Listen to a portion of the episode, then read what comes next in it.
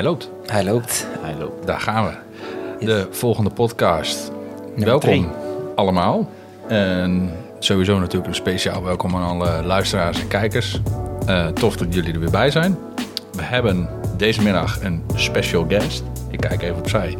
Daan Olivier, die gaat zich eh, zo meteen even nader eh, laten horen wie die Ja. is en waar we hem van kennen.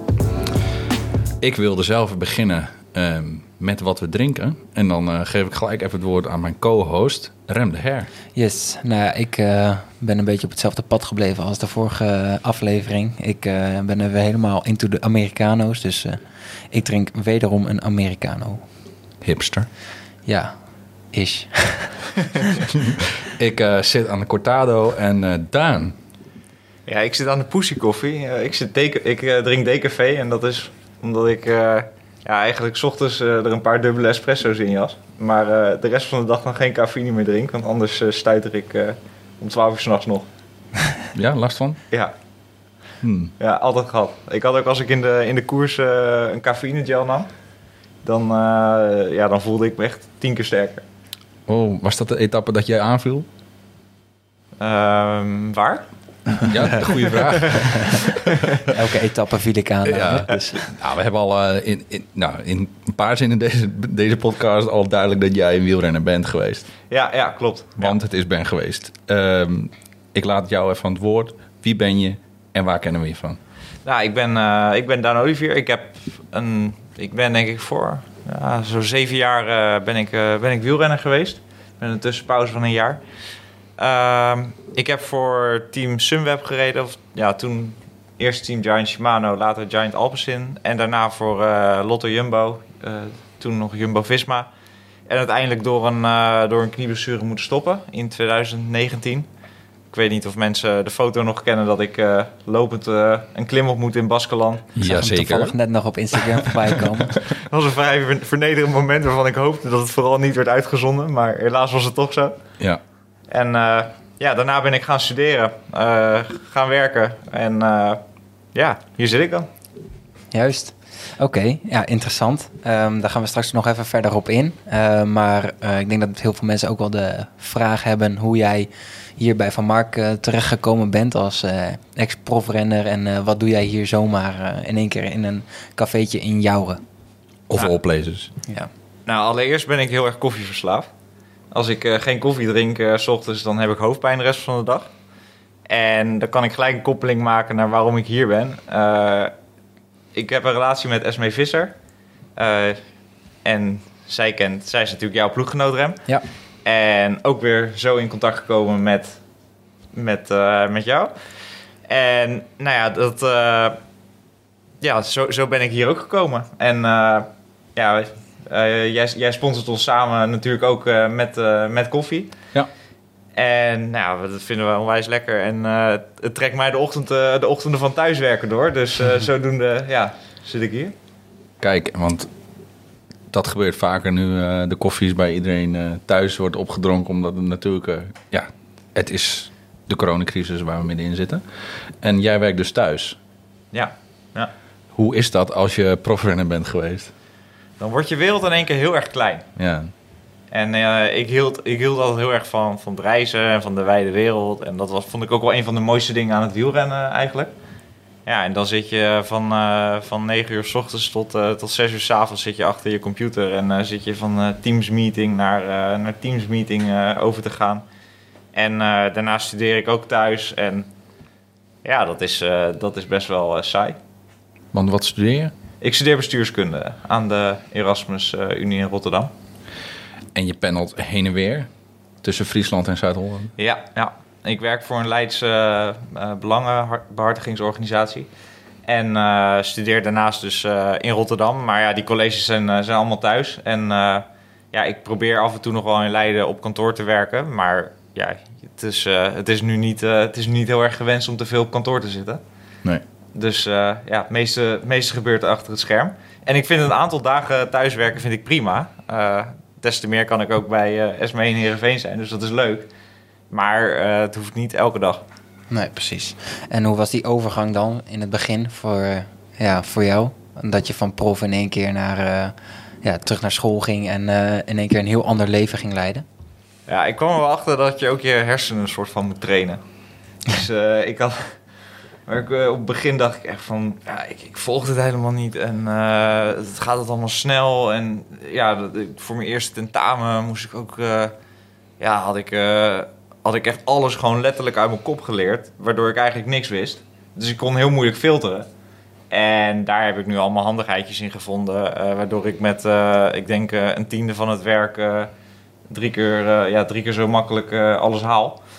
En dus ja, dat, dat vond ik heel moeilijk. En daarnaast gewoon weer veel in Nederland zijn. Ja, precies. Ja, gewend om constant weg te zijn, denk ik. Ja, Ja. ja. Je wordt geleefd en nu leef je zelf eh, een ander leven. Omdat ik denk dat de koers bepaalde een heel groot deel van jouw leven. Dus, dus ook de reizen die je moest maken, die stonden allemaal in het teken van de plek waar je ging koersen. ja. En nu niet, want je zit vast aan één locatie doordat je moet studeren. Ja, ja. Ja. ja, maar ik zou wel weer heel graag, wat ik, met wat ik in de toekomst ga doen, zou ik dat wel weer terug willen, willen gaan zoeken. Dus Ja. Je werk. Daar we, dus ja, ja, dus eh, iets, iets bestuurlijks kan ook eh, in Europa. Of, eh, Tuurlijk, daar kan je ja, ook de, de, de, de wereld eh, mee overreizen. Ja. Alleen ja, dan, dan moet, moet ik wel mijn best doen. Ja.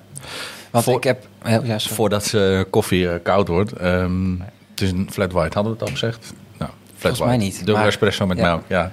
Lekker. Ja. Ehm, jij wilde ook wat zeggen. Ehm, voordat je straks eh, de wonderwereld van het bestuurskundige ingaat. Hoe ben jij op een universiteit terechtgekomen? Heb jij eh, een startkwalificatie als eh, VWO gedaan? Of, eh, hè? Ja. Daar wil ik zeg maar die kant op. Of heb je een toelatingstest moeten doen? Nou, ik, heb, eh, ik ben ooit op het VWO begonnen. Eh, toen ging ik sporten. Mhm. Toen had ik niet meer zo heel veel zin in school. Eh, ik denk dat, eh, ja, ik weet niet of jullie dat ook kunnen Ja, beamen. ik Mark kan het volledig beamen. Ja. Dus eh, nou ja, van, eh, van af en toe een, eh, een uurtje spijbelen ging dat naar heel veel eh, uur spijbelen. En eh, naar uiteindelijk ook van school gestuurd worden wegens te weinig afwezig, eh, aanwezig.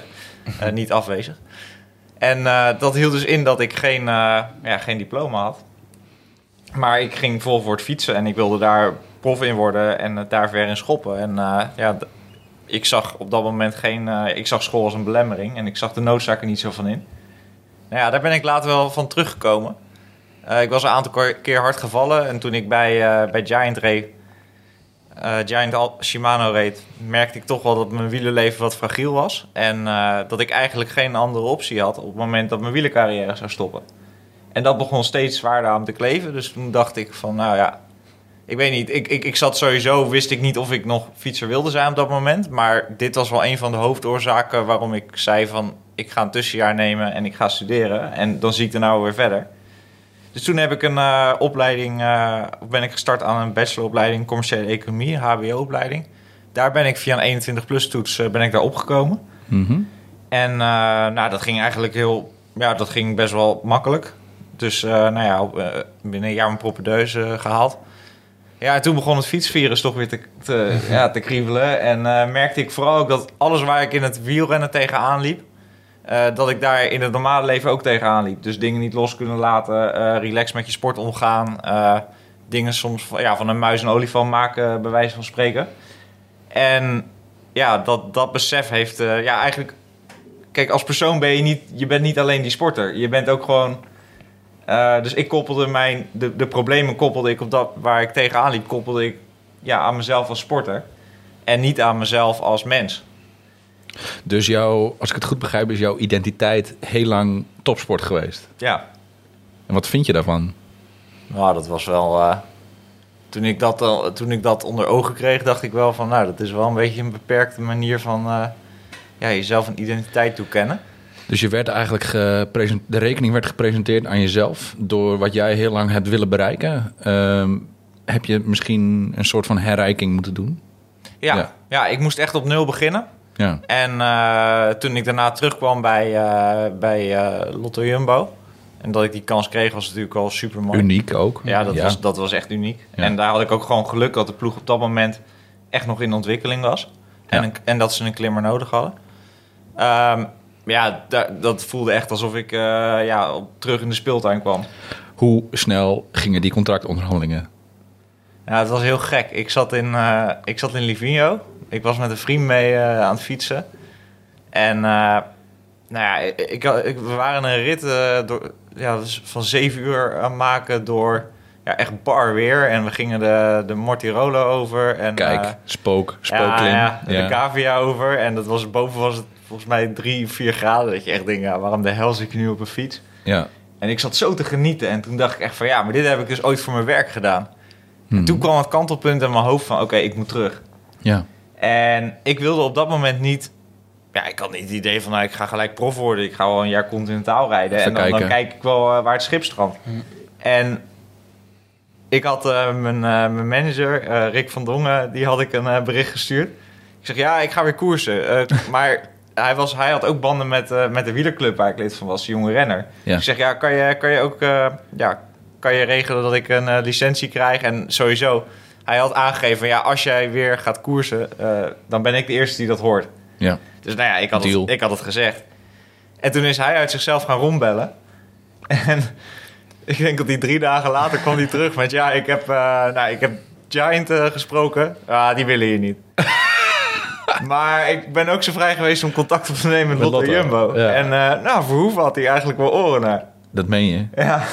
Old good Nico, die zei, kom maar. Ja. Wat cool. En nou ja, er waren een aantal Strava-vels van mij, die waren uit... Die had ik gewoon gepost. Ja. Ik denk, nou, een beetje geruchtenmolen aanwakkeren. En, daaruit bleek dat je in orde was? Daaruit bleek dat ik uh, ja, eigenlijk helemaal niet zo slecht was. Ja. En uh, toen heb ik eigenlijk zonder mensen iets te vertellen... ben ik in een koersje in Frankrijk ben ik gaan rijden. En daar ben ik, ben, heb ik duizend doden gestorven zo ongeveer. Mm -hmm. Maar het was wel mooi. Ik vind het wel... Ik denk dat we het alle drie kunnen beamen... dat zeg maar die, die laatste switch in je brein ontstond op de fiets. Ja. En dat is denk ik een gevoel wat we alle drie wel kennen. Ja. Er gebeuren hele mooie dingen op het moment dat je bijvoorbeeld aan het afzien bent... of misschien ook juist niet, terwijl de omstandigheden je dermate moeten laten afzien... dat je het idee hebt, ben ik nou aan het genieten of ben ik dat nou niet? Ja, en ik denk ook buiten dat wel dat het... Uh, kijk, omdat het, dat was um, in het tussenjaar van jou, het tussenjaar van het fietsen, zeg maar... Um, dat je in principe niks hoeft. Dus Alles de fun factor is Precies, huge. is veel hoger Ja. dan als je elke dag moet. Elke dag, oh, vier uur in de regen. Ja, ik oh, moet geen zin in. trainen. Ik moet, ik moet. Het is nu eventjes, oké, ik mag gewoon Ja. doen waar ik zin in heb. Hier heb ik zin in. En dan er inderdaad weer achter komen hoeveel je eigenlijk van de sport houdt. De lekkerste ritten die zijn lang, zonder doel. ja. Er, Zon- eh, nee, zonder dat het op het schema staat. snap je? Ja, ik heb van de zomer heb ik met een vriend, een, eh, van een studievriend, heb ik een epische rit gemaakt. eh, 280 kilometer. En eh, ja, hij, hij helemaal ongetraind. Dus, en, het, eh, en het zou gaan regenen. En dus ik zei al van ja, gast, dat gaan we echt niet doen. Want dat ga je helemaal niet redden. Eh, was van, eh, ja, voor hem dan van Rotterdam naar Heerenveen. En ik was dus van Oesgeest richting Rotterdam naar Heerenveen gereden. En dan reden we over de Utrechtse Heuvelrug en over de Veluwe. En dan pakten we al die geitenpaden. Ja, su- ik vond het echt super mooi. We hadden weer mee, dus Altijd Prima, goed. dan is maar dat is voor hem natuurlijk vervelend, want hij zit in mijn wiel. Dus hij heeft geen enkel voordeel Nee. van het in mijn wiel zitten. En ik wist dat het, na, eh, ja, dat het vanaf 1 uur 's middags zou gaan regenen. Dus ik wilde wel een beetje doorrijden, want anders krijg ik het koud. Ja. Dus ik had het ook tegen hem gezegd van ja, prima dat we gaan. Maar op het moment dat jij, eh, dat jij kapot gaat, ja, je weet waar je aan begint. Ik heb je gewaarschuwd en ik ga niet, eh, ik ga niet stoppen. Nee. Geen Dus- optie. Dus we rijden net voor, eh voor Nunspeet op een geitenpad. En toen schoot die kramp erin bij hem. dus, ik heb, dus ik zeg, ja, kerel, eh, je blijft... eh, ja, dit, ik heb je gewaarschuwd. Ik vind het super vervelend voor je. Probeer Zwolle te halen. Ik fiets nu door naar Heerenveen en ik hou je met de auto wel op. Ja. Want ja, als we allebei stranden en het was rond het spitsuur... dus je kan dan ook niet meer met de fiets de trein in. Ik zeg, ja, als we allebei er stranden, dan komen we er sowieso niet. Dus ik ben doorgereden. Ja, heb, eh, heb er dus ja, iets van 8,5 uur hebben we erover gedaan, denk ik. En eh, even snel een crackertje naar binnen gewerkt, na 8,5 uur fietsen. En gelijk die auto weer in en, eh en eh paaltje opgehaald. ophalen. Ja, fantastisch. Oh, heerlijk. Maar mocht hij luisteren, laten we hem in ieder geval wel even een eh shout-out doen. Want ik bedoel, ongetraind, poging. Ja. 280 kilometer proberen te volbrengen is al gewoon Ja, hij heeft er wel legend. gewoon, hij heeft er 200 gehaald. Dus Ja, Snap dat is respect hoor. Ja, respect, hoor. Ah, maar, dit, en, en dit jaar, hij is nu aan het trainen. En dit jaar heeft hij beloofd dat hij goed gaat zijn. En hij van de, eh, toen hij, hij moest van de zomer veel werken. Dus, eh, maar toen hij van het voorjaar, toen eigenlijk net de lockdown begon en eh, zijn werk ook wegviel. dus het alleen thuis studeren was, toen was hij echt goed getraind. En toen, reed hij, toen was ik serieus van onder de indruk. Netjes. Hij klopt hem in de sprint, maar dat is niet zo moeilijk. Nee, als klimmer, oké. ja. Oké, maar een, ehm, we hebben nu eventjes ja, kort over een eh, kleine periode gehad in jouw uh, wielercarrière. Maar ja, wij hebben natuurlijk even onze research gedaan. En daaruit Oh, daar eh, gaan we. konden wij vinden dat jij in ehm, 2011 bent begonnen met jouw eh, continentale carrière. En Ja. daarna is het zo, eh, zo verder gelopen. Hoe oud was je toen? Eh, toen was ik 17. Ja, ik was 17 toen ik mijn eerste contract bij Rabobank tekende. maar Net 18 dan. Ja, precies. En toen heb je in totaal twee jaar continentaal eh, gereden bij Rabobank? Drie jaar. Drie jaar. Ja, ik ben het, het derde jaar was ik, eh, ben ik een groot deel van het jaar overtraind geweest. Oh, oké. Ja. Maar toen ben ik, heb ik vanaf augustus heb ik weer gekoerst. Ging best wel snel wel weer oké. Ja, precies. En daarna werd het het development team van Rabobank, of niet? Oh ja, zo ja. Dan heb ik twee jaar voor Rabobank Continental gereden. En dan derde jaar werd het Rabo Development. En toen begon het, viel het onder de KMU inderdaad. Juist. Klopt. Ja, Wie waren jouw ploegmaats toen? Want ik ja zit dat is echt wel... eh, een bekende naam. Ja, eh, Dylan van Baarle. Ik Ja. heb met eh, Tom Dumoulin eh, toen een jaar gereden. Rowan Dennis eh, was het eerste jaar eh, ook ploeggenoot. Eh, Nick van der Lijken. eh, Wesley Kreder. Moreno Hmm. Hofland. eh, Danny van Poppel. Rick Sabel. Dat, Ja, dat zijn, dat zijn geen uh, minkukele namen, nee. dames en heren. Nee, veel rijden nog steeds rond en die doen best wel goed. Ja, inderdaad. Behalve ja. Tom. Ja, ja. Ja, Dat is een ander verhaal. Die Ja, maar vindt daar- straks daar ook wel ik- weer de plezier terug. Kijk, en dat is een En mooi, enorm hè? veel respect voor Echt. de keuze die hij heeft gemaakt. Uh, serieus, ja. Want ga er maar aan staan. Ja. Dat is niet niks. Nee, en om het even in een perspectief te plaatsen. Voor mij was die keuze, toen ik er een jaar uitstapte... financieel gezien wel iets makkelijker te maken. Dan ook. Ja. Dus het is... Ja, ik, ik vind dat heel knap dat mensen... En, en, en met de druk die hij heeft... eh, dat, ja, dat heb ik nooit in mijn carrière ervaren. Hij is, hij is zoveel beter natuurlijk. Maar ja, denk ik je ook... vind dat wel heel... Ik, vind dat, ik heb daar heel veel respect voor. Ja, Ja, denk ik. Ja, er komen ja meer 100, mensen. 100 Ja. procent. Ja. Want eh, die druk, als je... Ja, we hebben allemaal een beeld van Tom natuurlijk, maar als je die druk zou moeten vertalen naar jezelf, is het de druk van buitenaf? Of is het de druk die de topsportmentaliteit in jezelf, zit, die, hè, die jezelf dus ook oplegt? Want Ik ja, denk druk beide. als, Ik denk wel ja, dat het de combinatie van is. druk aan Ja. zich is natuurlijk eh, juist prestatiegericht ook. Omdat je eh, daardoor voel je misschien ook wel de drang om te blijven trainen. En voel je ook wel de winnersmentaliteit. Ja, Mhm. Maar zo'n beslissing, als het, het gaat om tonnen, Ja. denk Ja. ik. Hè? Ja. Laten ja, we eerlijk zijn. Meer, ja. Dus, ehm, en er is, Miljoenen. Ja.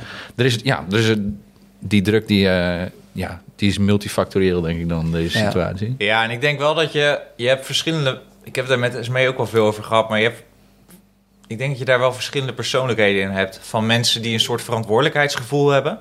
En mensen die het echt... Ja, die, daar, die, daar, die dat toch minder met zich meebrengen. En de mensen die een verantwoordelijkheidsgevoel hebben... Dus naar hun sponsoren toe en ook naar de buitenwereld toe. Ik denk dat die... Ja, daarvoor Die gaan is het niet druk- doen. Nou, daar, Of- daarvoor is... Nee, juist wel. Eh, want die, die voelen op het moment dat ze slecht presteren Ja. dan voel je je bijna eh, schuldig tegenover je sponsor of tegenover. ja, precies. Maar des te moeilijker lijkt het ook alweer, denk ik dan, om Te stoppen met te koersen. stoppen. Ja, Ja, totdat die, totdat die rugzak zo zwaar wordt. ja precies. Dan moet je. Ja. Ja. Ja. Nou ja, voor ons ligt er een eh, prachtig shirt waar we Tom ook eh, in hebben mogen zien rijden. Misschien niet helemaal dit shirt, maar in ieder geval eh, Ongeveer. er, staat al, eh, er staat al helemaal op. Dus eh, waarvoor dank. Deze stelt Daan ter beschikking aan het Wielercafé. Hoe tof is dat? Ja, heel cool. Ja, voor Ja. de mensen die eh, het wielercafé niet kennen, we hebben hier eh, in het café, ja, als je binnenstapt, eh, zie je allemaal shirtjes aan het plafond hangen van, eh, ja, van, I- ja, van eh, Iconische renners, Van ja. Corendon. eh, Er zit natuurlijk ja. één enorme klepper tussen, laten we eerlijk zijn. Mathieu van der Poel Mathieu. met een certificaat. eh, met dank aan René Hooghiemster, dames en heren. Eh, maar eh, ja, een mooi linkje, denk ik, naar eh, Mathieu. Eh, we hebben dus een getekend exemplaar hier hangen. En er komt zo meteen een mooi getekend exemplaar vandaan bij. Dus hij heeft zichzelf al vereeuwigd in het café. Hoe mooi is dat? Kom als Eh. eerste langs als die deuren weer open gaan. Dat zeggen meerdere renners, dus Ja. daar ben ik heel blij om. Ja. Super. Ehm, Mathieu, want Strade. Ja. Ik wil één woord van jullie allemaal horen. Beginnen bij eh, Rem. Bizar. Daan? Je stilt mijn woord. Ik had dus van de week een mooie. Ik had iemand aan de lijn uit Oostenrijk en ik- hij vroeg me hetzelfde. Ik vond een mooie vraag. Ik zei buitenaards. Dat wilde ik ook zeggen. Dus ik heb er nu al twee. En dat is ook een Ja. mooie link naar eh, zeg zijn maatje. Wout. Ja, fenomenaal. Maar buitenaards om... Nou ja, Van Aert die miste net Met AE, scherp- hè? Ja, ja, buitenaards met AE. Ja. Ehm, net En een lange scherp. R, eh, Leidse R. Ja. In Daans geval. Maar echt jongens, niet normaal. Nee. Nee. Nee, dit, eh, dit sloeg echt helemaal nergens op eigenlijk. Ja, het was ook echt een prachtige koers trouwens. Ehm, Ja. ja, die finale, dat, dat groepje dat wegreed. Ja, met eh, eigenlijk alle grote kleppers die je in zo'n koers verwacht natuurlijk. Ja, En ja, die het onderling uit gingen vechten. Ik dacht in eerste instantie, Wout oh, is echt, echt goed. Echt goed in orde, omdat die, ze reden natuurlijk constant van voren. Wat ik overigens ook alweer een beetje een aparte zet vond. Want ehm, toen in die eh, eh, docu van dat code geel natuurlijk... ehm, ja, toen ging Jumbo ook in één keer op kop rijden in de Tour. eh, doen alsof ze al in het geel reden. Nou, waar Tom niet mee eens was. Precies. Mhm. Nou ja, en ik vond het ook wel bijzonder dat, dat ze hier de koers een beetje gingen maken. Want ik, ja, ik vond dat Wout constant wel heel erg ver van voren zat. Waar je Mathieu gewoon zag chillen midden in het peloton of achteraan in het peloton. Ik denk dat hij daar ja, meer krachten mee had gespaard dan, dan dat hij nu heeft gedaan uiteindelijk. Vijfde positie is er natuurlijk eh, nog steeds win pakken. Dus, eh, Ja, dat, dat wel. Maar onderschat niet het harmonica-effect en ook wat stress met je doet. Als je Ja, dat Zeker in de straten wil je ergens eh, aan het begin van het klimmetje meedraaien omhoog. Ja. Eh, maar ook een hele belangrijke, de ongeschreven regel, namelijk van is titel verdedigen. Dus ik vind wel dominantie in de koers Ja. bij Jumbo horen. Daar heb je wel gelijk in. En dit was wel zijn eerste koers, hè? Volgens mij.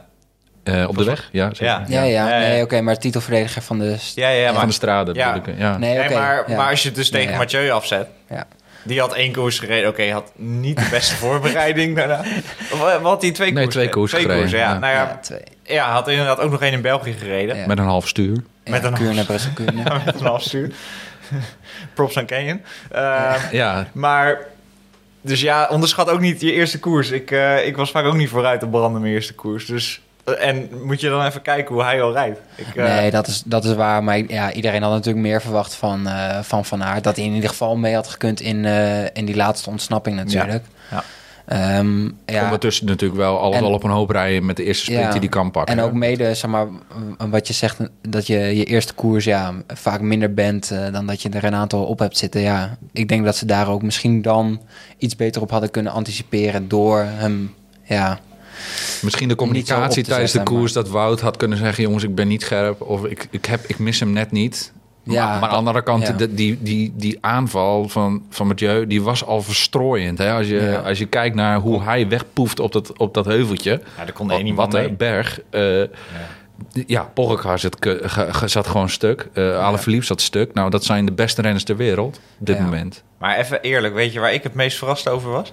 En dat is die, eh, of dat is Bernal eigenlijk. ja, Ja, Bernal is echt was wel, eh, volledig of was echt het plezier in het fietsen kwijtgeraakt. En nu, Heeft hè? vorig jaar ook wat gekke dingen gedaan qua hele lange trainingen en eh, misschien zichzelf ook wel een beetje overreached. Ja. Mhm. En dat je in een winter jezelf zo kan resetten en dan ja, zo onbevangen het wielerjaar in kan gaan en dan ja, zo terug kan komen. Dat Ja. is wel een les die heel veel sporters eh, kunnen leren. En ja, dat had ik zelf liever ook zo gedaan. Het is heel mooi hoe hij op die bizar, fiets zat ook. Ehm, en ik moest echt knetterhard lachen op een gegeven moment. De laatste 10 kilometer toen, daar heb je wat uh, draaien een keer een rotonde, lang stuk rechtdoor. En toen uh, trok, uh, trok hij nog even door en Van de Poel zat in zijn wiel.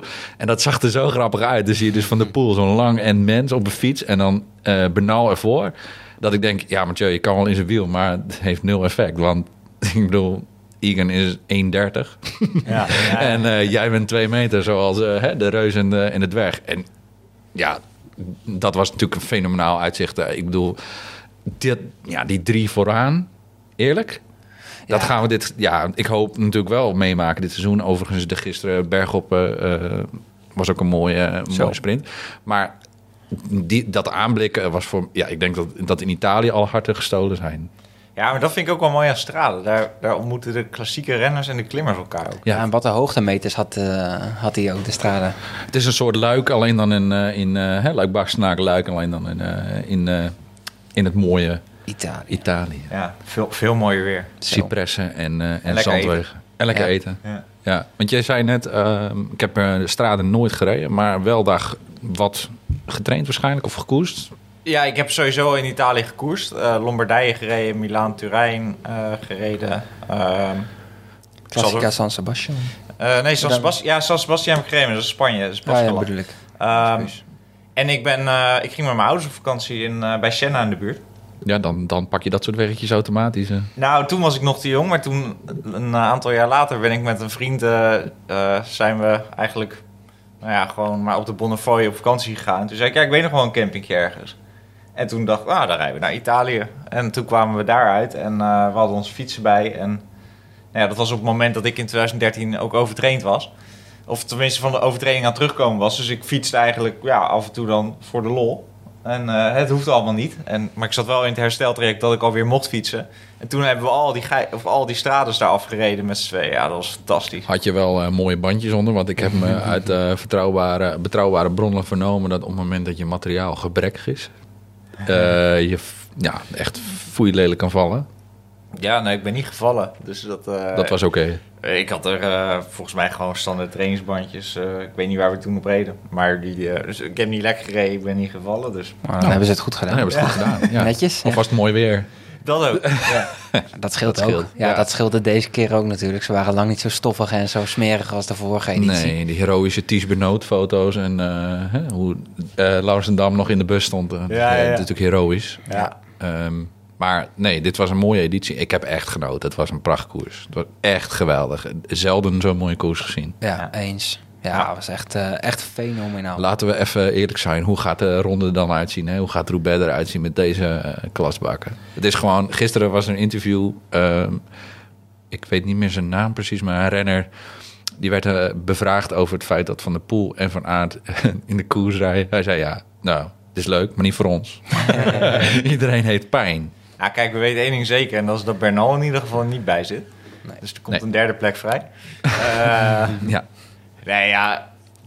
Kijk, eh, het zullen toch, ze zullen toch allemaal tegen, tegen die twee gaan rijden. Maar ja, als je zo sterk bent, ja ga er maar aan ga er staan. maar aan staan. Ik wens je veel succes. Ja, nee, inderdaad. Maar ja, die, die twee gaan domineren. En eh, ik denk dat een tweestrijd eh super mooi is. Ja, En de Belgische media die zullen het eh, lekker gaan uitvergroten. Zeker. Dus Ja. Zoals dat, eh, gebruikelijk. Zoals Ja. gebruikelijk. Die zullen wel weer een ruzietje gaan eh, proberen. dat begon al in het veldrijden en dat gaat gewoon op de weg door. Ja, Ja, maar dat is ook wel grappig. Hè? Die, die twee die hebben elkaar tot zo, ja, zo'n ongekende hoogte gewerkt. Gestuwd, ja. gestuurd, Ja. ja. Dat is niet normaal. Ja, en, en, maar Toch ja, doen ze allebei hun eigen ding. Hè? Ook als je kijkt naar training. Ja, Ehm, en dan, dan hebben we denk ik bij Jumbo zeker over een stukje wetenschap... wat ook eh, heel erg belangrijk is in de Ja. koers. zeker. Ik denk niet inhoudelijk te weten hoe het zit bij Alpecin... maar mijn gevoel zegt dat bij Jumbo toch eh, heel goed daarna gekeken wordt... en dat bij Alpecin misschien meer op gevoel getraind wordt. En hij met zijn Ja, vader natuurlijk ook denk- heel veel eh, ik denk kennis dat heeft. die ook gewoon minder financiële Ja. mogelijkheden hebben natuurlijk. Het is niet, volgens mij is het niet eens een Ja, pro, pro, pro-continentaal. Ja, ja, ja. Geen World Tour team. Nee. Nee, wat ook zo moet blijven, want dat is juist aantrekkelijk voor het koersen en het vrije programma rijden van, eh van het ten aanzien van de World Tours. Maar Dus, toch, ze Maar rijden we- alsof ze eh, full eh, World Tour Ja, zijn man. en eh, de Ja, ja. beste, over de beste dingen beschikken. Ze hebben volgens mij vorig jaar de Europe Tour gewonnen. Dus dat geeft ze automatisch start, startrecht in alle World Tour koersen. Ja. ja. Voor een Nee, jaar. en je ziet ze ook overal. Ik bedoel, overal waar ze starten, reizen voorop, reizen op kop. En hard. Echt, ik vind, ik vind ze echt heel veel eh Want, indruk maken. want eerlijk van aard won natuurlijk de sprint bij de openingsetappe. Maar eh, zagen wij Merlier? Zo. Ja. Die kwam heb, dus eh, als Ik heb hardste. de stats hè? gezien. Ja, die, hoe heet het? eh, van Aert die reed 72 in de sprint. En Merlier die kwam er even aanblazen met 77. Ja, daar zijn wegen in Nederland waar je een boete voor kunt krijgen. Hè? Als heel, fietser. Heel veel wegen. Ja. Dat is niet normaal. Ja. Nee, dat is echt een bizarre sprint, ja. Ja, nee, ik ben heel benieuwd. eh, maar ja, in principe de enige die aan die twee gasten een beetje kan tippen is Alaphilippe natuurlijk. Zeker in die klassiekers. Maar ja, voor de rest... eh, zeg, Nou, nee. Als het een pure eindsprint wordt, dan, Dan, eh, eh, dan weet ik het nog niet. nee. Nou, Alaphilippe wordt erop gelegd, denk ik. Ja, dat denk ik eigenlijk ook wel. Puur ja. op sprint. Ja. Ja. Maar ja, hij won toch laatst wel die sprint. Ja, het was een beetje bergop. Gisteren, hè? Ja. Ja. ja, Mathieu zat verkeerd hoor. Anders had hij hem gepakt. ja, dat wel. Makkelijk.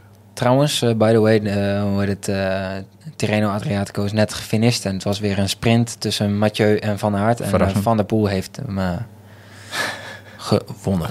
Dit is wel ook wel heel bizar. hè. Ja, en ehm, Ja, die, die pakt hem dus net. Ehm vandaar Live op, info. op een halve fietslengte. Wat ik trouwens nog wel even wil zeggen over die finale van, eh van Strade. Ja.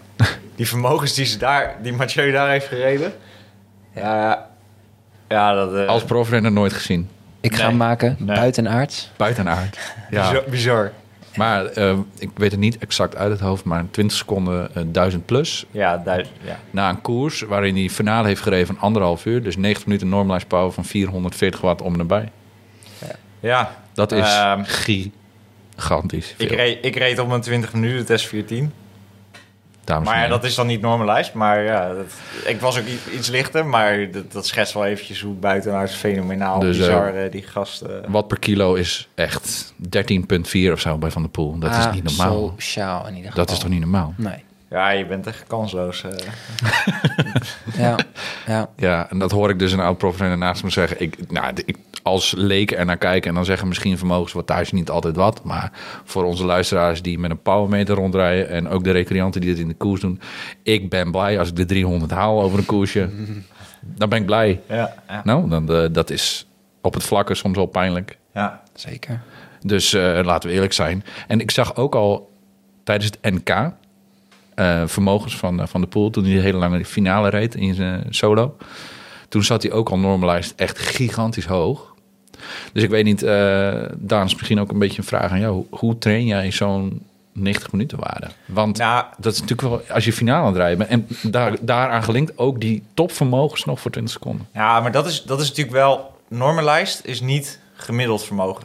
Nee, oké. Dus het de, de, de, zware, of de, de, de piekvermogens, waar Mathieu van nature ook heel goed in is... die wegen veel zwaarder dan de, de lage vermogens. En de nullen worden eruit gefilterd. Ja. Ja, Dus op het moment dat jij heel veel eh, korte sprintjes trekt, dus je gaat bijvoorbeeld een training doen met eh 10 keer 30 seconden, dan kom je met een veel hogere normalized power terug. Ja. Ja. Terwijl je gemiddelde hetzelfde kan liggen als wanneer je gewoon eh, een, een duurrit gaat doen van eh, 220 watt, bij wijze van spreken. Ja. En dat is omdat ze ja, aan, aan de hand van het normalized power berekenen ze de stress die je op je lijf krijgt, dus de trainingsstress. TSS, ja. En ja, het idee is dus, en dat is natuurlijk ook gewoon zo, 10 keer 30 seconden tijdens een training, dat is zwaarder op je lijf dan die eh, duurtraining van eh 3 uur eh, 220 watt. Ja. ja. Dus om, die, om dat normalized power hoog te krijgen, ja, is het vooral dat soort inspanningen kunnen leveren. En dat zien wij ook. Als hij eh, zijn beurtje op kop doet, dan eh, tikt hij over de 500 aan. En Ja. die rijdt hij gewoon nou ja, 10 tot 15 seconden lang. En dat anderhalf uur. Dus die finale was natuurlijk al giga. ja. Ook maar dat linkje naar die topvermogens, jongens, dat, dat is, dat, die wil ik even maken. Maar dat is niet normaal. Want als je dan Nee. 20 seconden nog 1000 plus op een helling van 16% rijdt, Ja, dat nou, wat Dat is dus heel veel. eh, dat heeft hij natuurlijk sowieso met het veldrijden getraind. Dus Ja. continu die, die korte inspanningen na een bocht. Dan weer een paar nulwaardes. Dan weer die harde, harde inspanningen Ja. na een bocht. Ja. Ehm, ja, ik denk dat dat, dat dat heeft hij van nature, of van nature, dat heeft hij zijn hele leven gedaan. Dat En is zijn aanleg. Dat En is ik- zijn kracht. Ja. Buiten dat denk ik ook dat, ze, dat die veldrijders daarmee ook echt iets voor hebben op eigenlijk de weg, wegrenners. Dat Ja, ja. ze een uur lang vol in het rood aan het stoempen zijn. Ja. Terwijl die, die echte eh, wegrenners, ja, die rijdt toch langer gewoon en, en ja, niet zo vaak en zo lang in het rood als, als die En veldrijders. dan krijg je dus zo'n aanblik dat de, dat de oerklimmers als Bernal en Alaphilippe... ehm zeg maar in die, nou ja, dat kleine klimmetje, of laatste klim, klein, maar dat laatste klimmetje van de straat... dan ziet het er dus zo knullig uit als, als hij zo weg. Ja, die hebben gewoon niet, niet zoveel power als Nee, die maar als dat Van Aert en Pitcock geweest waren, bijvoorbeeld in de laatste finale, dan had het er misschien nog wel een soort van vergelijkbaar uit kunnen zien qua Ja. wegpoefen, om het zo maar te zeggen. Ja. Ehm, en ja, er wordt heel erg gesproken over, ah, hoe lullig was dat? Nou, ja, dat was niet lullig, dat was gewoon zijn, zijn expertise. Hier is Van de Poel master in. Ja. Eh, dus dat zag daarom zo knullig uit voor, eh voor Alaphilippe. Ja, en ook de, de, de, de, de traditionele wielrenner, en dat, was, dat is echt de oude school, die startte met heel veel duurtrainingen. En dan ging je vanaf eh, februari ging je eens wat intensiteit inbrengen. Ja. En wat hebben we nu, wat is er van het veldrijden en ook van het baanwielrennen geleerd? Waarom zijn die gasten het hele jaar zo verschrikkelijk goed? Kort en krachtig. Dat is omdat ze het hele jaar ook op intensiteit trainen. Ja. Dus wat, is er, wat zijn de, andere, de, de- ja, de, de normale, tussen aanhalingstekens, wielrenners gaan doen? Ook Dat, op eh, intensiteit gaan trainen, ja. al in een veel vroeger stadium. Dat hoorde ik Tom ook een keer zeggen, hè, dat, hij, het- dat hij het heel interessant vond. Hoe de Van der Poels en Van Aert er nu opstaan. En dat soort vermogens bergen op kunnen rijden. Ja. Eh, Ehm, en Tom is altijd bezig volgens mij met wetenschap. Ja. Dus ehm, ja, shout-out eh, naar dat, dat stukje uit de, uit de profwereld. Want daardoor ben ik ook eh, gaan in te vallen. En als recreant merkte ik ook al heel snel progressie. Ja. En ik bedoel, laten we eerlijk zijn, ik zal never die vermogens kunnen trappen. Daar gaat het niet om. Maar het is leuk als je je maten erop kan leggen bij een bordjesprint en of bergop. Dus ehm, hè, je- ja. Ja. jij weet het als, eh, als sprinter natuurlijk in vanuit de schaatswereld. Jouw benen zijn niet per definitie klimmersbenen, als we het zo maar moeten zeggen. Nee. Ik kan wel Eh, aardig bergen op, maar niet... eh, Nee, ik zie Daan lachen, maar als ik jullie naast elkaar op de fiets zou zetten, dan zien we overduidelijk wie er klimt en wie er sprint. Ja, Ja, daar precies. moesten ze bij Jumbo altijd om lachen. Als ik, eh, ik, was met, ik ben eh, twee keer eh, mee geweest naar Colabo. En dan reed ik naast die schaatsers. En dan zeiden ze, ja, je past er gewoon drie keer in. eh. Ja, echt hè? Ja, dus jij maximaal uit de wind zit als je erachter rijdt. Ja, ja. ja. Zeg, Ja. Hoe kan, hoe kan je zo smal zijn, joh? Dat is toch niet normaal? ja, ga eens wat eten. Ja, joh. Gooi... En dan zagen ze, s'avonds zat ik bij het avondeten. En dan zat ik, eh, nou ja, pasta, een paar borden pasta carbonara naar binnen te werken. Hoe luid je dat allemaal? Heb jij zo'n maag? Ja, ja. Ja, ja, dat mooi hè? gebeurt als je drie, vier, vijf uur op een dag Ja, precies. natuurlijk, hè? Ja. Ja, Dus eh, ja, nee. wat een seizoen zo jongens. Echt, ik, het is gewoon geniet. Ik kan niet wachten tot de grote koersen beginnen. En we hebben weer een beetje genormaliseerd. Eh, ik, ik kan me zelfs nog de voorjaars-najaarskoers herinneren. Omdat dat nog niet zo lang geleden is vanwege het opschuiven. Ja. En de Amstel Gold gaat door. Ja, Ja, inderdaad, ja. Afgesloten ronde gaan ze doen, hè? Ja, dus kom niet naar Limburg. Nee, dat staat ook overal expliciet bij. Ik heb hier de wielenkalender weer, maar daar staat, kom niet naar het parcours. Ja, dat is heel makkelijk wachten. af te zetten hoor. Er is maar een heel klein stukje eh, doorgang eh, bij de A2. Het is maar een heel smal stukje Nederland. Ja, Als je dat gewoon helemaal vol met hekken zet, ja, want het, volgens mij is het een soort... langs. Het is een komen ze niet onderblok langs. van Moet je 19 natuurlijk wel die kilometer. grens ook nog afbakenen, maar dat is een ander. Wat is het, 19 kilometer of zo? 16 kilometer? Ja. Eh, heb je die wel eens gereden? Eh, de Amstel heb ik niet gereden en ik zou die ook niet zo heel graag willen rijden. Want dat lijkt me echt een verschrikkelijk Hectisch. stressvolle, hectische koers. En daar had ik echt een hekel in. Ik heb Luik en de Waalspel gereden. Ook niet mis.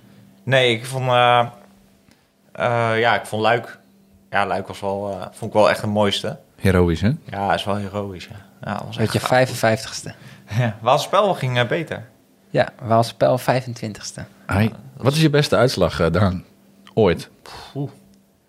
Ja, wat ik het mooiste vond was toen ik eh, als 19-jarige vierde werd in Tour de Laine. Waar eh, toen al die profrenners ook uit de Tour eh, reden. Klassement? Ja, en Ja. jongere. Dat was, dat was eigenlijk mijn doorbraak. En ik heb die vermogens ook teruggezien wat ik toen reed. Dat was wel... Phenomenal.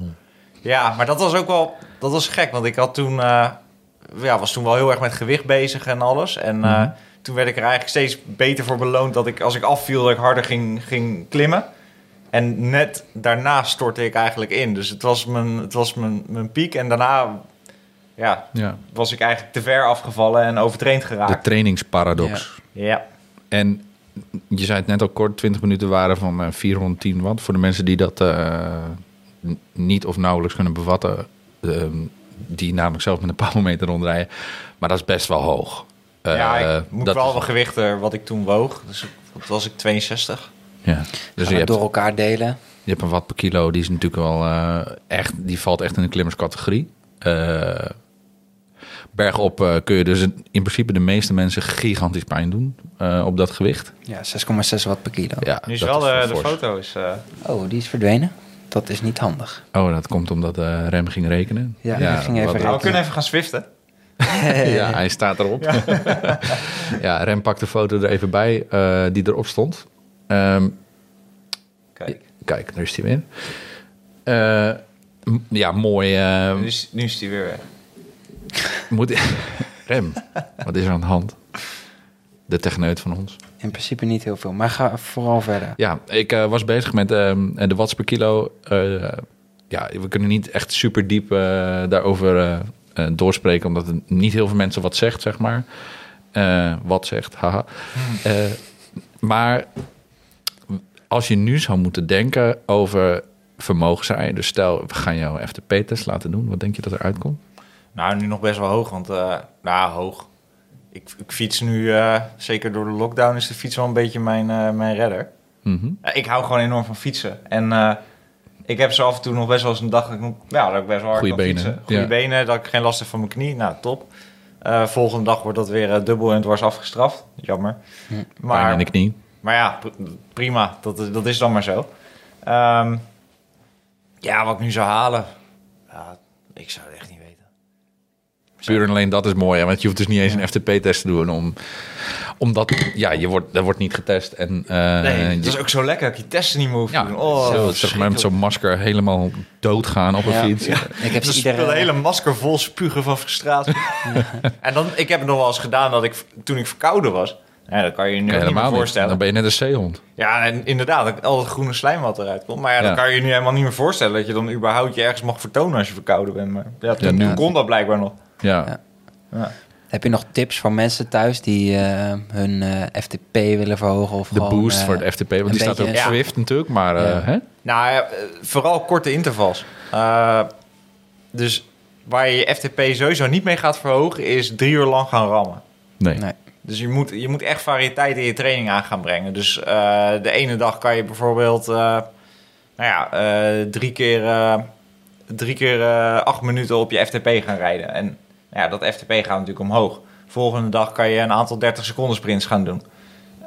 De dag daarna doe je een keer, ja, bijvoorbeeld twee keer, of ga je 40-20's doen. Dus 40 seconden hard, 20 seconden rust. En dat doe je dan 10 keer. Ja. Uh, en dat, dat kan je dan dus echt fors boven je FTP doen. Ja, en dat, zo, zo kan je daarin gaan variëren. Maar ja, ik ben geen trainer. Dus ik kan alleen maar wat ik, wat ik zelf voor Heb trainingen moest doen. Ja. Heb jij eh, je anders voorbereid? Dat is een beetje een complexe vraag. Dan eh, zou ik hem proberen even makkelijk te stellen. Trainde jij om je FTP, dus je watt per kilo, zeg maar, te verhogen? Of trainde je specifiek op klimkoersen en ging je parcourskennis opdoen? eh, zeg maar het, het klimgevoel even naar door, want je, je rijdt anders bergop. Ehm, hè, dus de, laten we zeggen, de koerssimulatie. Wat, wat was voor jou belangrijker? Het puur en alleen trainen op, op een hogere watt per kilo? Of ging jij echt zo van, eh, ik train specifiek voor die koers, bijvoorbeeld Tour de Lens of, eh, of een andere klimkoers waar je kon uitblinken als klimmer? Nou, wat, waar ik heel erg, of wat mijn zwakte was, was dat ik, ik kon één keer een hele forse inspanning leveren. En daarna kon ik het niet meer. Dus ik had heel veel moeite met eh, bijvoorbeeld op, ja, met herstellen. Ik kon heel hoog in mijn, in mijn lactaat, dus ik kon heel veel eh, verzuringen eh, aanmaken. En dat is op zich mooi, want je kan heel erg Ja. in je overdrive gaan. Dus je kan heel Ja. ver boven je omslagpunt. Diep in het rode bergop. Ja, Ja. Ja. maar het nadeel is dat als je dat één keer doet... eh, ik tikte dan een lactaat van nou, 20 aan, 21. En dat is voor een duursporter is dat echt heel hoog. ja, want ik zou zeggen, dat is wel meer een lactaat dat bij een sprinter hoort. Mhm. Dat zie je eerder bij, bij, bij, bij schaatsers eigenlijk. Ja, ik. precies. Ik zou zeggen, ik zit er ook op. ongeveer. Ja. Ja, en ik kon dat in, eh, in, in vijf minuten kon ik dat halen. Maar het nadeel is, Doe je één keer. dat doe je één keer en daarna is het klaar. Dus waar ik heel veel op ben gaan trainen, eh, een tijd, is eh, die, die tempozone. Dus de, de zonde, voor mij was dat zo'n 320 watt. Een stuk onder mijn omslagpunt. Mhm. Duur Die heel erg trainen. Ja, duur intensief. Daar heel erg op trainen. En dat waren echt hele lange blokken. En dat deed ook echt, ja, dat, dat voelde niet lekker. Mhm. eh, om eigenlijk die, eh, die lactaatbuffer te vergroten. Uiteindelijk heeft dat voor mij niet gewerkt. Want ik ging te ver afstaan van ja, waar mijn talent lag. En dat was juist fors in die overdrive gaan. Ja. Dus Ja.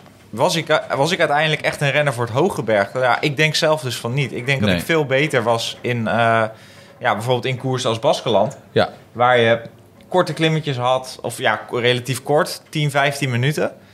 Ja, en dan een aantal keer echt fors in het rood gaan. Maar ja, ook misschien nog met voldoende hersteltijd ertussen. Maar kijk, als je op het begin van een klim zo in die overdrive gaat, Ja. om te volgen, ja, dat, dat, dat ga ik natuurlijk... Ik ga niet een half uur met een lactaat van 19 rond kunnen rijden. Dat, dat, Nee. Ja, dat, dat kan niemand. Nee, dan is de koers beslist. Eh, zeker als er nog bijvoorbeeld finale berg opvolgt, dan kun je niet mee. Nee, kan ik gewoon niet mee. Nee. Nee, ja, dat is ook wel grappig, want ik, heb, ja, ik kan me hier best wel goed in vinden, omdat ik dit ook wel een beetje heb. Ik, heb, ik kan even heel diep gaan, maar dan is dat herstel best wel lastig voor me. Alleen, ik heb heel vaak eh, dat als ik zelf mijn eigen tempo bepaal, dat ik veel sneller boven ben dan het eerste stukje eventjes achter iemand aan. Ja. En dan helemaal aan puin gaan Ja. en dan ja, toch maar kapot gaan, zeg maar. Ja. In plaats van dat als ik één steady tempo voor mezelf heb, dat ik dan die Ja. klim veel beter aan kan. Maar dan. dat is dus de parcourskennis waar ik het over had. Hè? Ja. Dus Ja, de ja. cadans, eh, je houding, eh, hoeveel vermogen je kent en wil rijden in Ja, dat geval. Maar ja, in een koers is dat natuurlijk een combinatie van. Want je wil Ja. niet lossen, ondanks Nee. dat je misschien kapot zit. En je denkt van, nou, ik kan beter nu even lossen en mijn eigen tempo rijden. Maar ja, is de vraag, dan kom je er weer bij. Ja, maar Ja, dan is het natuurlijk dat- psychologisch effect is heel, heel erg nadelig voor. Want je wil gewoon naar een wiel rijden. Nou, dat vond ik zo knap aan Tom bijvoorbeeld.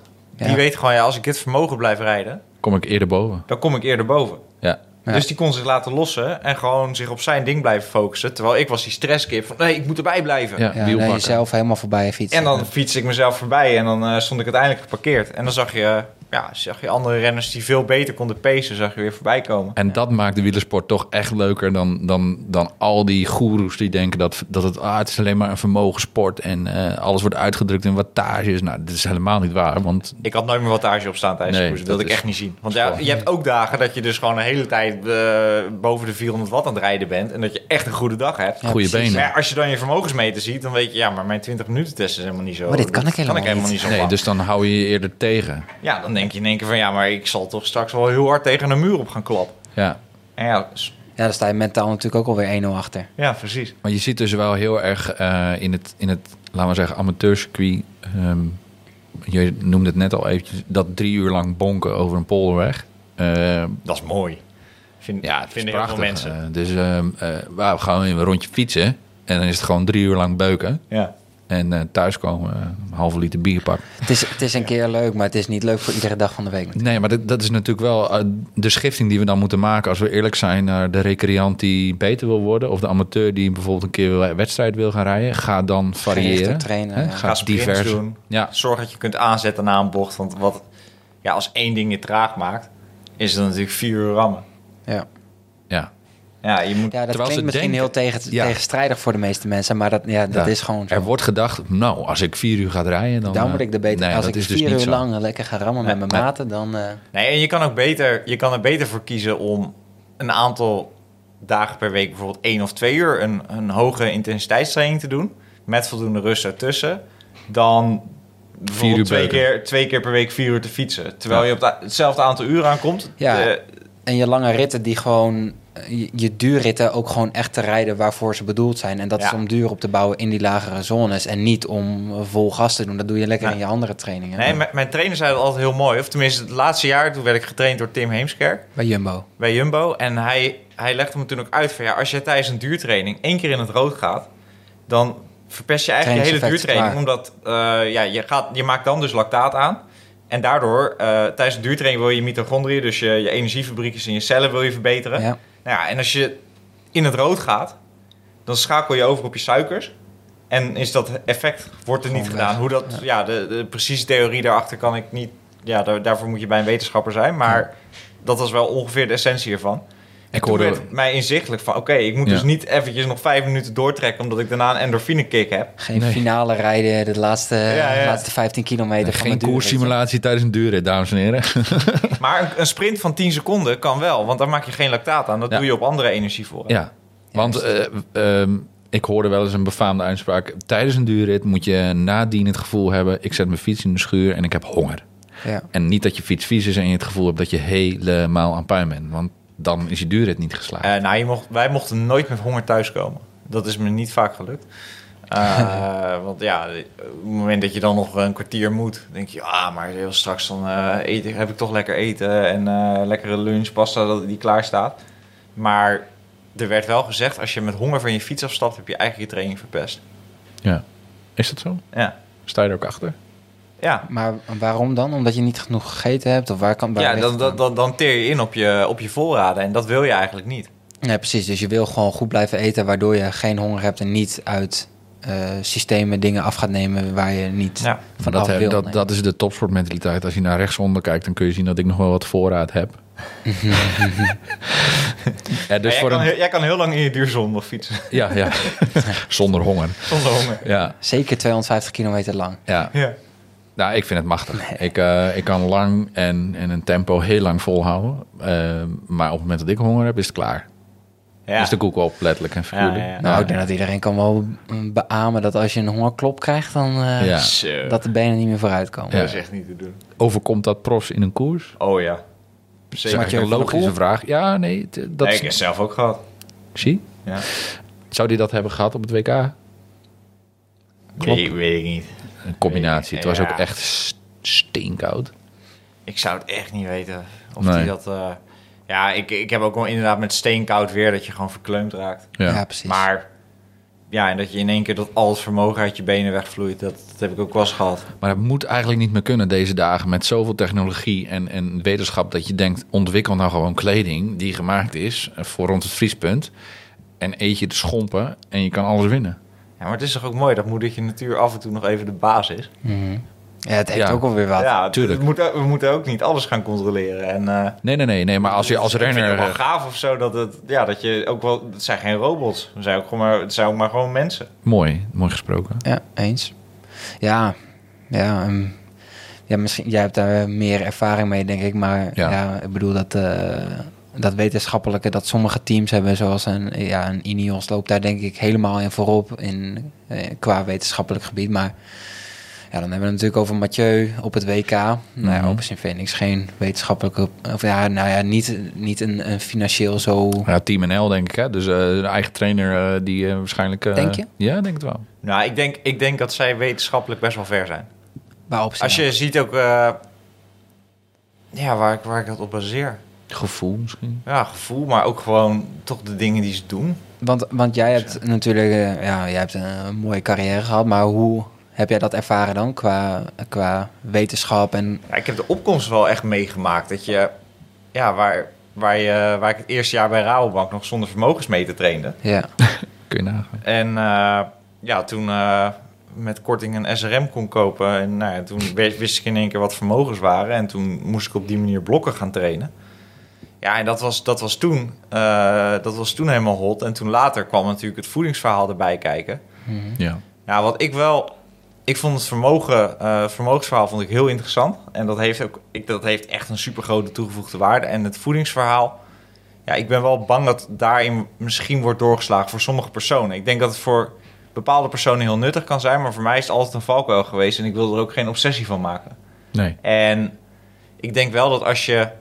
Ik vind de foodcoach bijvoorbeeld een heel mooi middel. Mhm. Maar ik vind ook wel dat je af en toe. Je moet wel zorgen dat je ook je gevoel blijft volgen. Eh, het is niet dat elke dag je metabolisme hetzelfde werkt, volgens mij. Ja, wetenschappers zullen daar misschien iets anders over denken. Maar Nou, het is ik ook had de ene dag verhaal, echt veel meer honger dan de andere dag. Ja. Ja. Ja, zeg Ga, het ik, maar. ga, ik, ga ik het dan laten staan omdat mijn foodcoach zegt dat ik niet meer mag eten? En dat was wel het, on, het innerlijke conflict wat ik continu kreeg. Van kan ik mijn gevoel nog vertrouwen? Ja. En dat, ja, dat vind ik lastig. wantrouwen naar jezelf bijna. Ja, want, want de cijfers zeggen iets anders. Want je wil ook, ja, als ik voor mezelf spreek, ik wil, je wil ook gewoon een keer een borrel willen drinken op een barbecue, toch? Zeker, eh, zeker in deze fase van mijn leven, ja.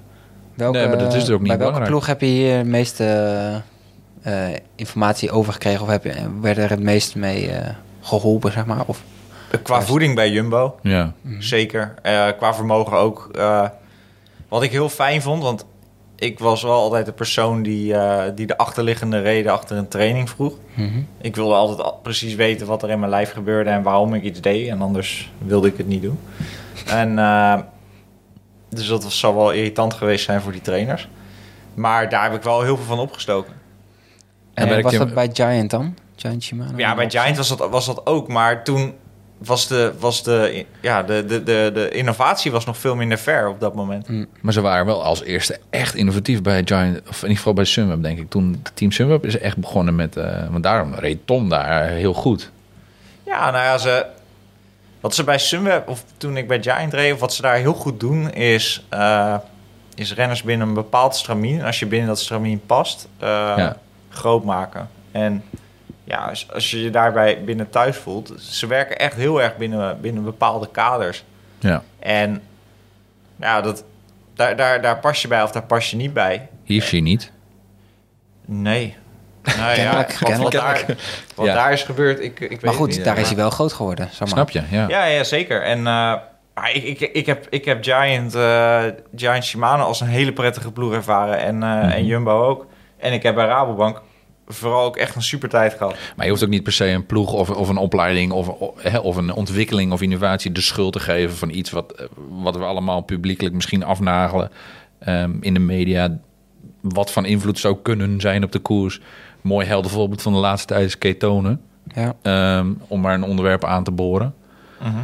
Ehm, terwijl we tegelijkertijd ook alle boeken herkennen van degene die doping en allerlei stimulerende middelen hebben gebruikt en daar openlijk over vertellen. Ja. Eh, het lijkt wel alsof niks meer kan en mag. En En, vandaag is trouwens ook weer iets eh, naar buiten gekomen over Team Sky. Met ehm, Oh ja, met dat testosteron, hè? ja, testosteron. Ja. Ja. ik ben er nog niet bekend mee, maar Sky arts bestelde bewust verboden testosteron ja, ik krijg ook kriebel als je die eh, titels dan eh, zo voorleest. Want Richard Freeman. Ja, Ja. ja. dat, die, is al, heel lang in opspraak, hè? Of ja. Maar het, puur nee dat al in opspraak raken. Zeg maar, als je innovatief zijn, wordt heel snel schimmig. Omdat Ja. het is nieuw. En dat Ja. heb je bijvoorbeeld met ketonen. Wellicht is het wel een tijdperk dat we binnen een jaar nu zeggen... hij staat op de dopinglijst. Ja. Mhm. Terwijl de UCI druk bezig is met eh, allerlei maatregelen... die er niet echt toe doen. Zeker Ja. niet in de rennerswereld. Hadden beter ergens een andere tijd. Nou, ga daar dan eens onderzoek Ja. naar doen, denk ik dan. In plaats van mensen verbieden om op de buis te zitten Snap en je? eh, een arm op het eh stuur Ja. te leggen. Er is niks moois dan eh, winnen met je arm over het stuur. Nou, Ja, maar ik... Ja, ik weet het niet. Ik, nee, het vind, is moeilijk hoor. ik vind er ook wel... Ik Zijn vind, er ook wel twee iets, kanten. ik vind er ook wel iets voor te zeggen dat Ja. je... De, ik bedoel, oké, op de buis liggen... Ja, misschien is, gaat dat te ver. Maar hoe vond je de Superman? Of dat ze achter hun zadel gingen Ja, zitten? Ja, moet, je moet natuurlijk ook ergens een grens trekken. tuurlijk. Nee, en ja. waarom zou je niet gewoon zeggen... jongens, handen aan het stuur en eh, blijf lekker op je zadel zitten. En Eens. Dat doen we allemaal. Maar zolang Fabio Jacobs eh, op een intensive verkeer komt... omdat de Ja. hekken van drang, of de dranghekken van de ijzer zijn... dan ben je mij kwijt hoor. Nee, maar even, even eerlijk. eh, in, in alle jaren dat ik wielrenner ben geweest... heb ik, geen enkele, heb ik op geen enkele manier gevoeld... dat de UCI betrokken is bij de sport. Nee, Sorry, dat, maar... nee dat, Dat is bizar. dat is wel bizar natuurlijk... als je dat als profrenner zo ervaart. Ja, de- ja, er werden maatregelen genomen. Of je kreeg dan boetes voor het aanpakken van een bidon op een verkeerde plek. Voor zoveel, Plakbidonnetje. voor zoveel honderd Zwitserse frank. Dat je echt denkt, ja, maar jongens, is het jullie commerciële verdienmodel? Of, of hoe zit het? Eh, ja, dat is zo. Nee, maar dat...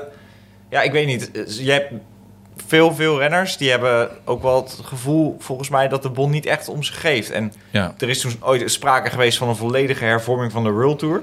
waardoor er heel veel renners op slag werkloos zouden gaan raken. Ja, sorry, maar... Wiens belang wordt daarmee gediend, hè? Ja, blijkbaar de UCI, omdat het dan spannender wordt met kleinere pelotons. Maar, en, en dat zou dan veiliger worden. Maar Ja. ze hebben de basis niet op orde.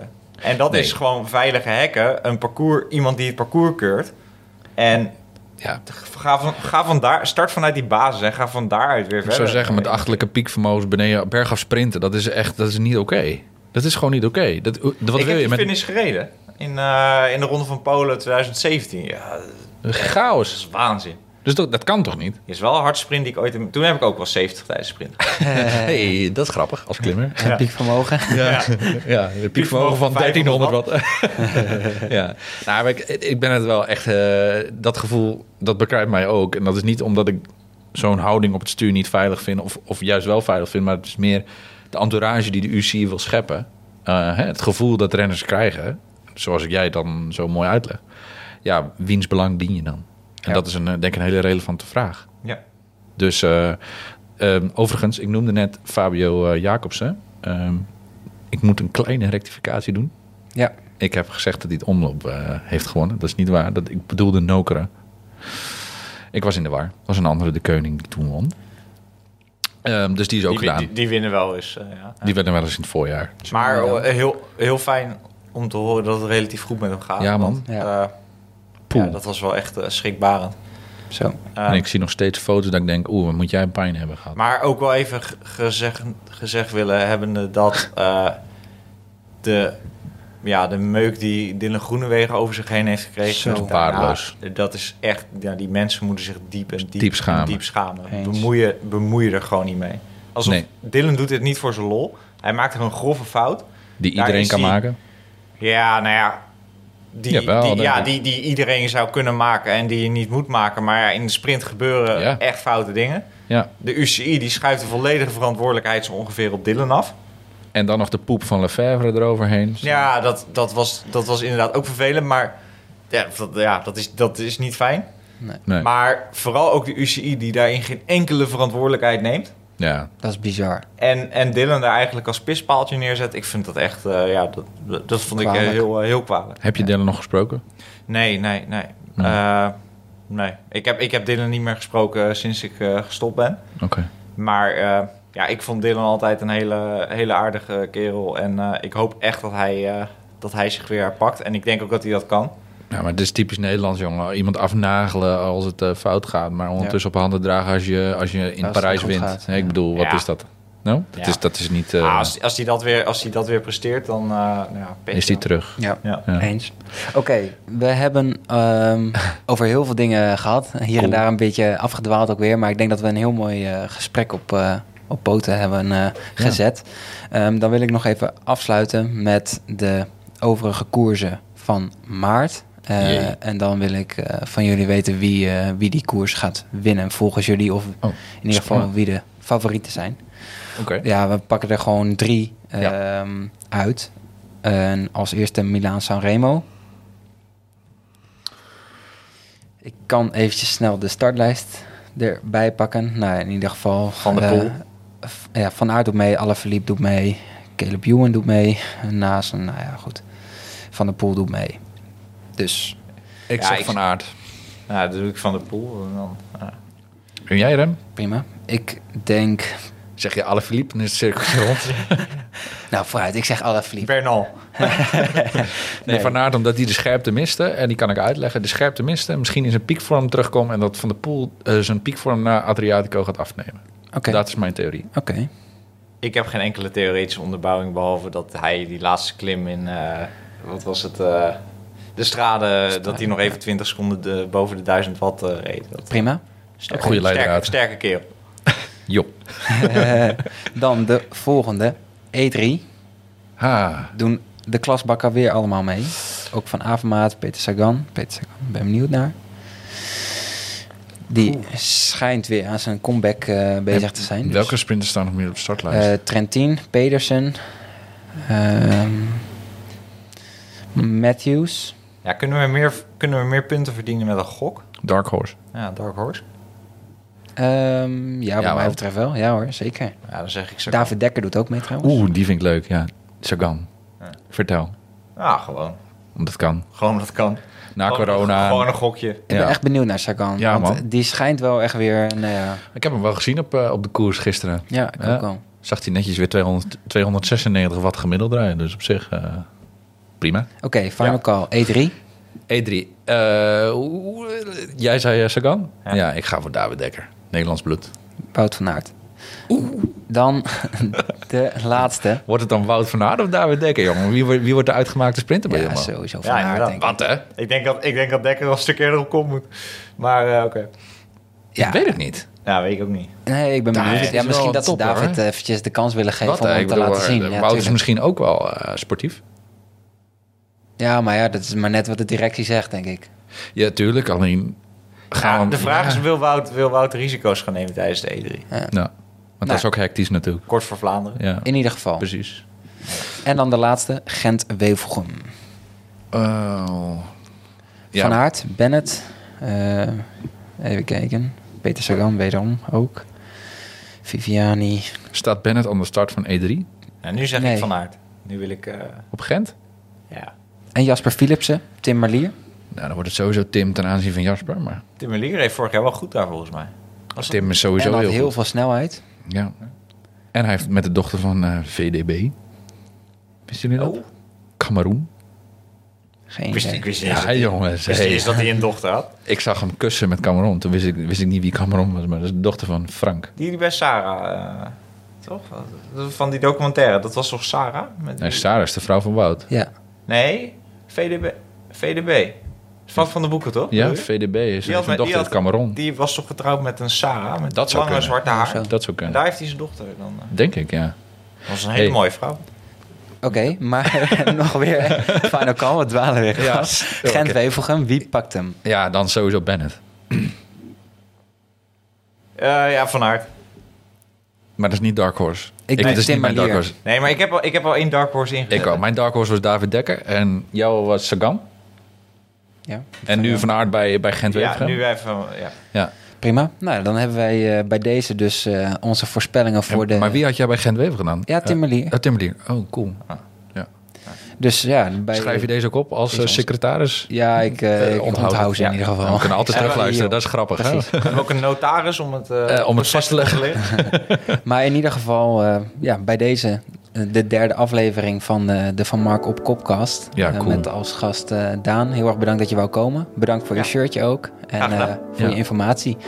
Misschien eh, wel leuk om eh, nog even te melden. Eh, ik ga morgen naar de kapper.